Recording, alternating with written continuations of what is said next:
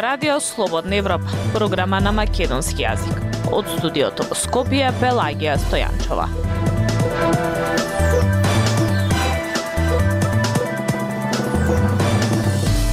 Во денешната емисија на Радио Слободна Европа објавуваме Санкциите на САД нема да бидат единствената мерка против корупцијата на Балканот. Доцна терапии за болни со ретки болести поради тендерски процедури. Превозот со автобус стана неатрактивен. Патниците делат такси или патуваат со комбиња. Слушајте не. Независни вести и анализи за иднината на Македонија. На Радио Слободна Европа и слободнаевропа.мк.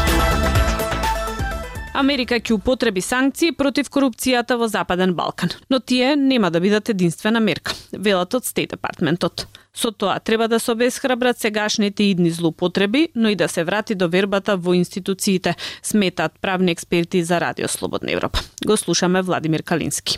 Македонското општество тоне во корупција и затоа американската црна листа може да биде проширена со луѓе од правосудството, сметаат правни експерти, откако актуелната американска администрација најави дека ќе ги употребува санкциите како важно средство против корупцијата на Западен Балкан.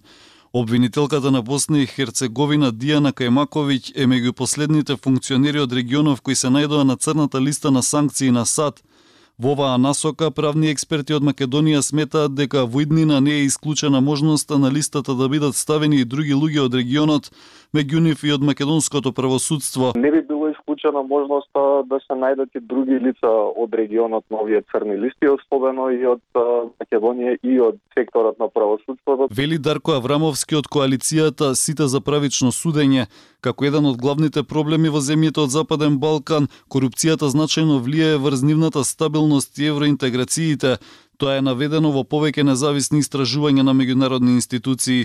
На вчерашната церемонија во Стейт Департментот, како нова амбасадорка на САД во Македонија, заклетва положи Ангела Прайс Агелер – Таа на сослушувањето во Сенатската комисија за надворешни работи рече дека ќе работи да и помогне на Северна Македонија да развие национална стратегија со која ефикасно ќе се бара одговорност од корумпираните актери. Предходно и портпаролот на Стейт Департментот Нет Прайс на властите во Западен Балкан исто така им даде до знаење дека САД ќе ги употребуваат санкциите како важно средство за искоренување на корупцијата.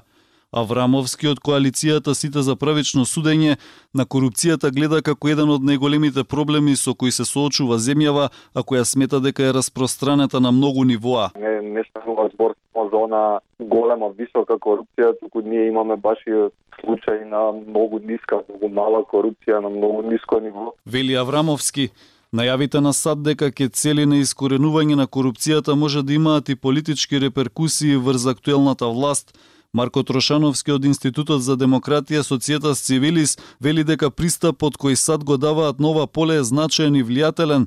Трошановски укажува на последните истражувања кои покажуваат значителен пораст на корупцијата во Македонија и според него добре дојдени се сите мерки за сузбивање, обесхрабрување или санкционирање на коруптивните практики. Не треба да сведе магнитски акт и овие санкции само на поранешни членови на опозицијата и тоа на еден, два најстакнати, мислам дека треба значително повеќе да се прошири да биде мерка која што сериозно ги и санкционира сегашните идните злопотреби. Вели Трошановски, Кајмаковиќ беше последна во низата функционери од земјите од Западен Балкан кои беа санкционирани од САД, откако во април годинава САД воведоа санкции против седум лица за кои рекоа дека се вмешани во корупција, меѓу нив беа поранешниот македонски премиер Никола Груевски и поранешниот шеф на УБК Сашо Мјалков.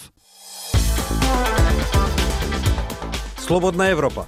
Следете на на Facebook, Twitter и YouTube. Луѓе со ретки болести, чиј живот зависи од редовно земање на терапија, се жалат дека немаат лекови поради тендерски процедури. А ако нема тука, мора да набавуваат лекови од странство. И пациентите, и на луѓе со ретки болести ги повикуваат властите повеќе да се ангажираат и да ги натераат фармацевските компании да ги набавуваат лековите и да ги донесат тука. За сега добиваат само ветување. Ивана Стојковска. Околу 30 на деца во земјава живеат со ретка болест која што предизвикува многу лесно кршење на коските. Ретката болест ги прави кревки поради што мора да внимаваат на секој чекор и движење. Син ми не може да станува, има болки во рацете, во нозете, јас морам на раце да го носам да му помагам. На 18 месеци ја скрши левата нога и тогаш му беше диагностицирана болеста. Раскажува една од мајките чиј што син се бори со оваа болест. Низиниот син е сега девето одделение, но од кога му е диагностицирана болеста, мајката вели дека постојано живее во страв дали синот ќе ги добие потребните лекови, бидејќи државата не ги обезбедува редовно. Во изминативе месеци вели дека мора да ги купуваат од странство и со помош на пациентските здруженија, а токму редовното земање на лековите е единствен спас за овие деца. Како родител на дете со ретка болест вели дека е разочарана од државата и односот кон овие деца. Од надлежните вели за сега добиваат само ветувања. Александар Петровски, председателот на пациентското здружение Раст, кој што ги застапува и се бори за правата на децата со ова заболување, вели дека проблемот е што на фармацевтските компании им се исплати да го набавуваат лекот,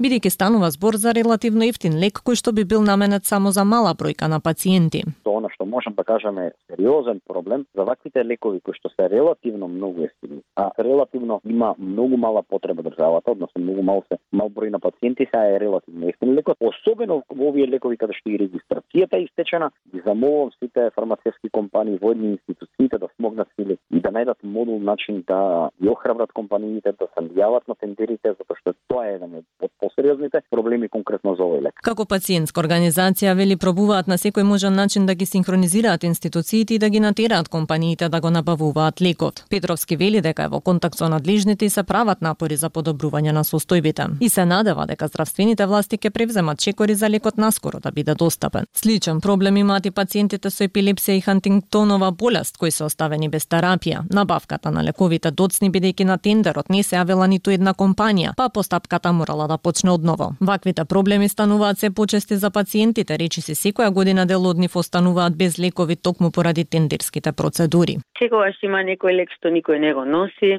Секогаш тендерите каснат, дали месец, дали два, дали три месеци остануваат без терапија пациентите. И ова не се работи само за ретки болести.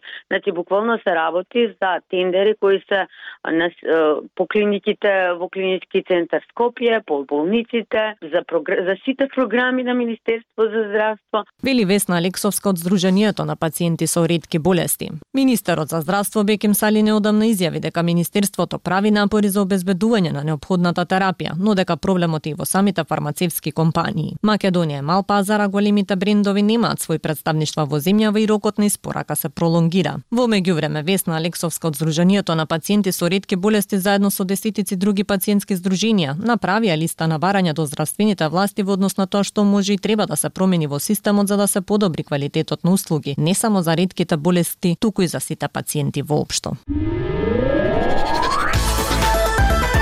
Радио Слободна Европа, светот на Македонија. Превозот со автобус е последна опција за многу граѓани. Повеќе преферираат да поделат такси или пак да патуваат со комбиња. Пандемијата го намали бројот на превезени патници со автобус. Сега малку е зголемен бројот на патници, но далеко од тоа како што беше пред пандемијата. Патниците не сакаат да се возат со автобус и поради скапите билети. Во продолжение Марија Тумановска. Иако пандемијата со COVID-19 е задна, статистичките податоци на Државниот завод за статистика покажуваат оти бројот на патници кои го користат меѓуградскиот и меѓународниот транспорт не само што не го достигна нивото пред корона кризата, туку и опаѓа. Ако ги успоредите бројките од пред пандемијата и денешните бројки, значи збориме за 2022, во тој случај гледате дека имаме намалување околу 34%. Пандемијата не ја зимаме за репер од едноставна причина што тогаш беа мери карантиди и забрана за патување. Вели Масеро Мерагич, собственик на автобуската станица Рулетурс во Скопје. Граѓаните пак велат дека патуваат со автобус само тогаш кога немаат друга опција. Секогаш кога треба да кога да патувам за Скопје, кога имам потреба да дојдам поради некоја контрола или некоја друга работа, се организираме со такси. Со неколку патници си ја делиме сметката. Може би нема биде поевтино, ама не се малтретирам барем 3 сата да патувам од Струмица до Скопје. Посочува Весна од Струмица. Жителите на Кратово пак имаат друга мака. Тие до Скопје можат да дојдат само доколку го фатат утринскиот автобус, оти попладневните и вечерните линии се укинати. Од главниот град до градчето оддалечено неполни 100 километри пак автобус има наутро и во 17 часот попладне.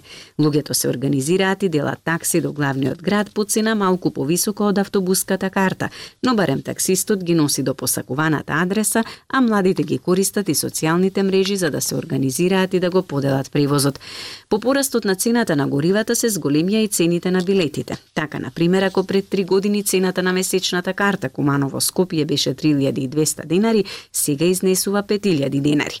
Поради работните обврски Ристо Савески од Тетово пак секој ден патува до Скопје. Еден правец на оваа релација чини 200 денари, но најисплатлива варијанта му е месечната карта која сега е 6000 денари. А во однос на другите алтернативи, значи таксиња или диви комбисти, автобусите се барем редовни, значи во точниот термин тогаш трга, со тоа што сега и они некогаш каснат. Но собственикот на Рулетур смета дека зголемените цени на билетите не се причината поради која е мал интересот на граѓаните да се возат со автобус. Дел е сигурно иселувањето, намалувањето на популацијата која што нели напушта. Вториот дел е, е нелегалниот превоз, бидејќи тие превезени патници никаде не се евидентираат и не можеш да ги земеш како реална бројка. И третиот е, не знам сега дали постои намалување, односно дали луѓето во своите градови си ги ретко се решаваат на патување согласно економската состојба и се друго. Додава Омерагич, но за разлика од патниот превоз, бројките кај авионскиот сообраќај одат во нагорна линија. Кај авионскиот превоз бројот на патници е зголемен и се приближува до периодот пред корона кризата. И во железничкиот превоз, бројот на патници не е целосно повратен, иако и во оваа област расте бројот на превезени патници. Актуелности свет на Радио Слободна Европа. Српскиот главен град стана дом на многу руси кои бегаат од тежината на санкциите, репресијата и мобилизацијата. Тие се борат со својот национален идентитет и ужасите што ги донесе инвазијата на Москва врз Украина. Пренесува Гоце Атанасов. Полина Прокофева се врати во Русија само еден ден откако председателот Владимир Путин испрати руски тенкови во соседна Украина и ја започна најголемата војна во Европа од Втората светска војна. Како и многу други млади руси од незиниот социјален круг во Санкт Петербург, 25 годишната Прокофева излезе на улиците во знак на протест против инвазијата на Кремљ. Како и повеќето демонстранти против војната, таа набрзо беше уапсена и осудена на 12 дена затвор. Јас и другите бевме политички активни со години и знаевме што стана Русија, но за поголемиот дел од земјата инвазијата конечно им ги отвори очите, вели Прокофева за Радио Слободна Европа. По ослободувањето таа се најде пред тешка одлука да остане и да се соочи со поголема репресија дома или да бега. Тешките западни санкции воведени на почетокот на март ефикасно ја елиминира незината маркетинг работа, која се подпираше врз меѓународни брендови како клиенти. Со мала перспектива и загрижена за прогонот поради незините антивоени ставови во услови на продлабочување на владината репресија, Прокофева им се придружи на стотиците илјади други руси кои ја напуштија земјата и се населија во Белград. Та им се придружи на илјадниците руси привлечени од отворените граници на Србија, кои ја направија оваа балканска земја свој дом. Има денови кога се чувствувам виновна што замина вели Прокофева додавајки. Тешко е да се види како вашата земја гори одалеку и повторно станува како Советскиот сојуз. На многу начини Србија е неверојатна дестинација за опозиционо настроените руси како Прокофева. Јулија Семјачкина и Светлана Путро решиле да се преселат во странство со цел да обезбедат подобри можности за нивните деца, особено кога рускиот образовен систем, како што велат, станува се понационалистички и провоен поради обидот да се создаде повеќе патриотско образование. Не сакам моето дете да се индоктринира и да биде нова верзија на Джоджо Ребит, изјави Путро за Радио Слободна Европа, мислејќи на филмот од 2019 година за младото германско момче кое ма гепсано со нацистичката пропаганда за време на Втората светска војна. Иако и Семјачкина и Путро вела дека остануваат цинични за иднината на Русија и незините империалистички тенденции, Тие додаваат дека често фантазираат за тоа што ќе направат кога Путин и системот што тој го создаде повеќе нема да постои. Ја слушавте емисијата на Радио Слободна Европа, програма на македонски јазик. Од студиото во Скопје со вас беа Пелагија Стојанчова и Дијан Балаловски. До слушање.